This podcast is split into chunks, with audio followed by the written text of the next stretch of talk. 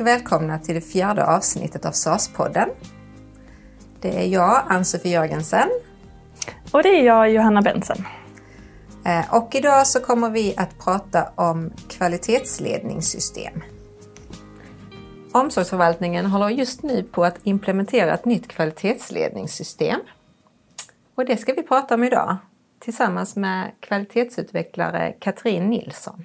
Välkommen! Tack! Eh, vad är ett kvalitetssystem för någonting?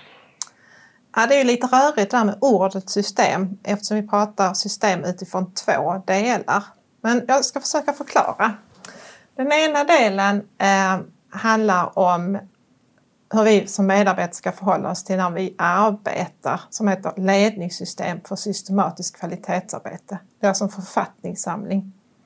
Eh, och det innebär att, jag läser till. Hälso och sjukvård, socialtjänst och verksamhet enligt LSS är komplexa verksamheter. Därför behövs ett ledningssystem för att systematiskt och fortlöpande kunna utveckla och säkra kvalitet i våra verksamheter. Alltså kvalitetssystemet ska beskriva kunden eller patientens resa genom omsorgsförvaltningen. Det kvalitetssäkrar vårt arbetssätt mot kunden eller patienten. Det är egentligen den första delen. Eh, den andra delen är att vi behöver ett systemstöd, alltså ett dataprogram eh, för hur vi ska kunna jobba kvalitetssäkrat. Och då kallar vi det datasystemet ett kvalitetssystem helt enkelt. Mm. Och vad inne, alltså, varför blir det bättre för, eh, för medarbetarna i omsorgsförvaltningen? Egentligen så är ju syftet med ett kvalitetssystem att det ska vara bra för kunden. Det ska vara ett system som kvalitetssäkrar vårt arbete mot kunden, patienten, som egentligen då är ett stöd för medarbetaren.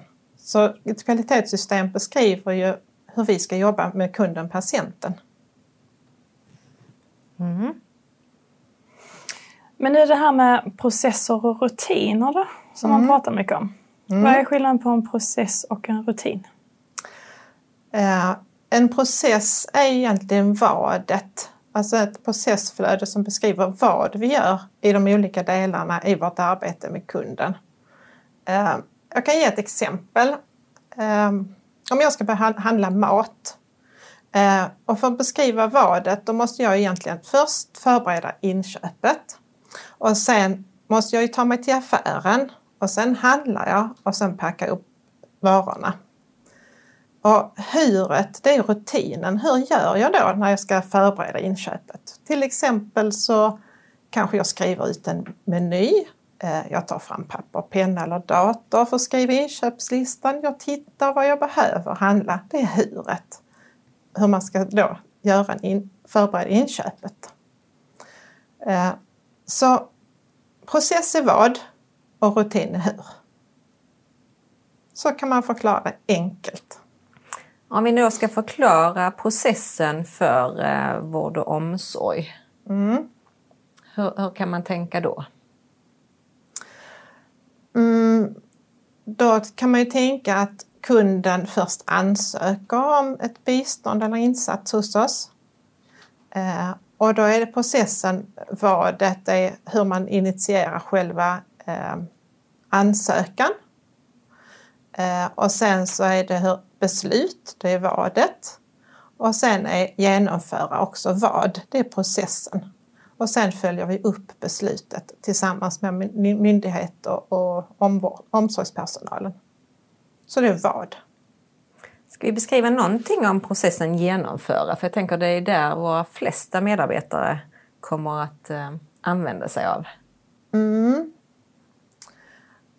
Och det stora under genomföra är just genomföra, eh, processen genomföra.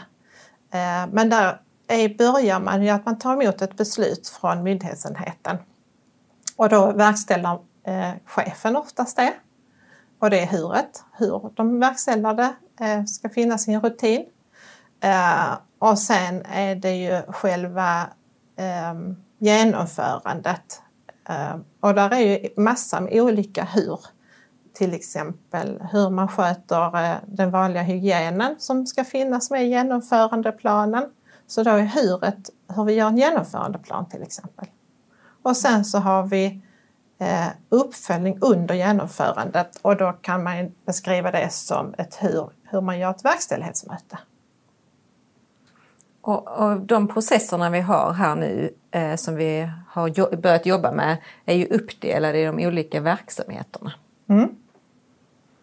Och det är ju för att det ska bli lättare för eh, alla medarbetare ute att veta var man ska hitta sina rutiner till exempel, alltså huret. Eh, så vård och omsorgsboende har en delprocess, barn, barndelen för LSS har en, boende LSS och så vidare. Och vi har ju också HSL som mm. är med i processen. Mm. Och då kommer deras, eh, deras delar ligga i, i till exempel vård och omsorgsboende mm, och det är helt rätt. För att vi ska ju tänka att det är kundens resa genom omsorgsförvaltningen så den måste, måste beskrivas där det utförs. Eftersom kunden finns till exempel på ett vård och omsorgsboende. Mm. Och patienten. Men det här, vi, man hör ju nu ute i verksamheten att det är någonting nytt på gång. Mm. Vad är det som är nytt? Spännande. Eh, jo, vi håller på att se över det som finns idag i handböckerna, ska över ett nytt kvalitetssystem. Eh, och eh, då ska vi beskriva den här processen, alltså vadet, eh, på nytt och se över om det stämmer så som vi faktiskt jobbar, alltså flödet för det arbete som ska göras. Och sen ska vi då eh, titta igenom alla rutinerna och beskriva dem eh, så att de är lättförståeliga och se om, om det är rutiner som saknas eller några rutiner som vi kanske behöver ta bort. Men allt, allt i handböckerna som ligger på hemsidan idag ska över till det här nya systemet? Precis, så är det. Okay. Så vi har ett jättestort jobb framför oss. Mm. Vilka är det som jobbar med detta då? Framförallt är det de här fem, eller många processgrupper, vi har mer än fem. Eh, varje omvårdnads eller verksamhetsgren har ju en processgrupp så det är framförallt de som jobbar med det nu. Eh, så vi har ju börjat beskriva processerna för varje verksamhetsgren. Och sen ska processgrupperna koppla på sina rutiner. Vi säger att vi hänger på rutinerna till varje processdel. Vilka sitter i de här olika processgrupperna?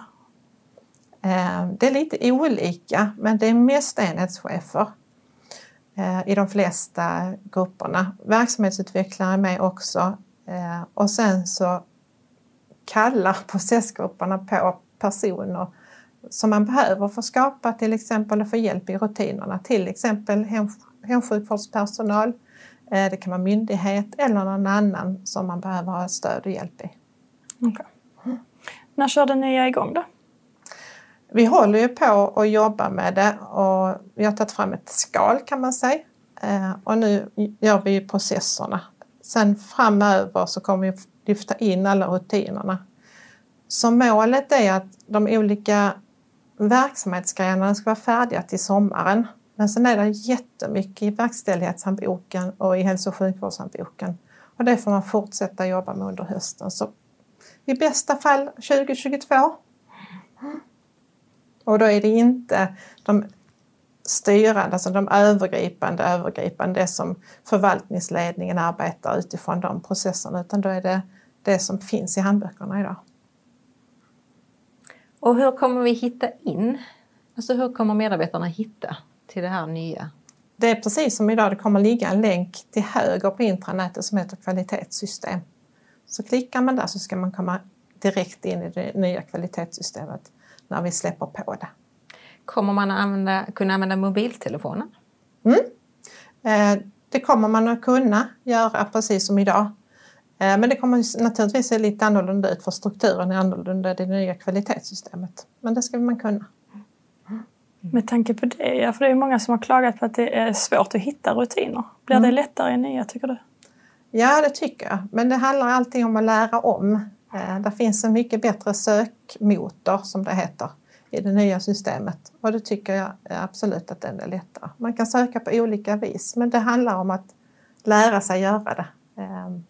För allting är nytt i början. Mm. Så man måste använda det mycket? Ja, man måste i alla fall få veta och få kunskap hur man ska göra. Mm. Det jag tänker är bra också är att man kan favoritmarkera de rutiner som man använder mest. Mm, så att de blir lätta att hitta. Mm. Och det är en fördel. Och i det här nya systemet kan man också söka på det vi kallar för brödtext, alltså text inne i en rutin. Eh, och då kan man få fler träffar. Eh, det kan vi inte idag i handböckerna utan då måste man verkligen veta vad rutinen heter till exempel för att komma rätt. Var det inte någonting annat bra också om man har ändrat i någon rutin? Mm. Om man har ändrat i en rutin så kommer det att stå när den är reviderad, som vi kallar det för, när den är uppdaterad. Eh, så det kommer att framgå i själva rutinen när den är skapad och när den är reviderad. Eh, och det kommer också finnas på startsidan när det, när det kommer nya dokument eller nya rutiner.